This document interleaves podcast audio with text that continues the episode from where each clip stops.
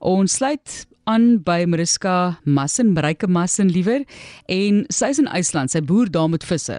Ons weet mos al baie van haar. Ons het baie onderhoude oor die jare al met haar gedoen as 'n marinebioloog en ons wil baie hoor hoe staan sake daarso met die onlangse uitbarsting wat hulle ervaar het, Mareike.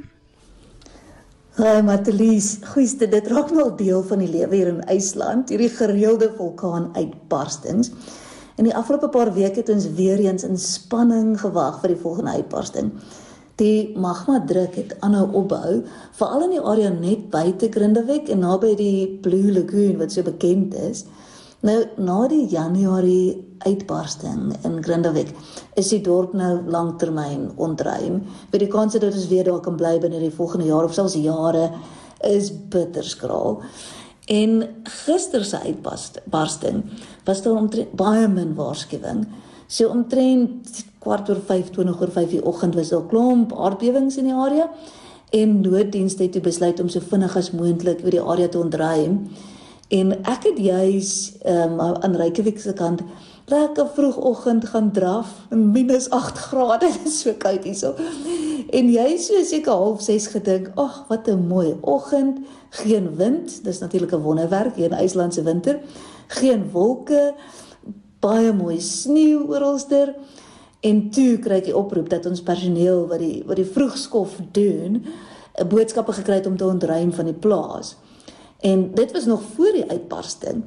En terwyl ek so draf stap en probeer oproepe maak om meer inligting te kry, toe sien ek net skielik duidelik die uitbarsting in die verte.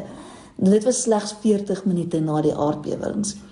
Nou gelukkig was hierdie uitbarsting ongeveer in dieselfde plek as die een in Desember, so so 'n bietjie verder terug vanaf Grindavik, maar die lawa het nogal baie vinnig begin vloei en die keer weer bo die pad beweeg en baie naby aan die geotermiese energieaanleg sowel as die Blue Lagoon. Maar daar is mos 'n groot muur gebou. Dit is eintlik soos 'n groot wal juis om hierdie area te beskerm. Maar die bekommernis was dat die lava weer oor die elektrisiteitslyne gaan hardloop of oor die warmwaterpype. En dit het toe oor die warmwaterpype ge, ge gebeweeg. En nou warm water van hierdie geotermiese aanleg word gebruik vir verhitting in 'n hele area, soos 'n hele Reykjanes area. So dit het natuurlik veroorsaak die hele area en dit sluit in Kerflavik en Jartvik en jy weet al die dorpies daarom daar naby dat hulle al vanaf gisteraand en nog steeds nou sonder verhitting en warm water sit. En dis koud. Ek dink is minus 10 grade hier vandag. So dit is 'n dis 'n groot uitdaging, maar die owerhede werk deur die nag om so vinnig moontlik weet hierdie pyp reg te maak sodat hulle hopelik teen vanaand weer verhitting het om die huise warm te maak. En gister was die elektrisiteit ook af vir 'n paar ure want die lawe het nou om hierdie kabelpale geloop. Maar gelukkig teen vroeg aand was dit uitgesorteer. So hierdie uitbarsting word eintlik gesien as 'n medium een en teen gisteraand reeds amper klaar uitgeloop. Ehm um, die lava het weer deur so lank 3 km kraak um, geloop of eintlik gespoeg, jy weet dit, trek hoog in die lug op is regtig nogal impressive impressive om dit te sien.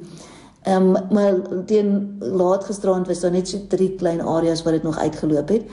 So dit lyk asof soortgelyke uitbarstings elke paar weke sal gebeur, soos die magma nou hier onder die grond rond beweeg en druk ophou. En ja, dit voel asof dit nou maar deel word van die lewe in die land van vuur en ys. Maar gelukkig gister, jy weet, soos ek was was die dorpie self en en mense nie um op groot risiko soos die, die vorige een in in Januarie nie. Nou ja, toe ek stuur groete hier vanuit die koue maar baie mooi IJsland.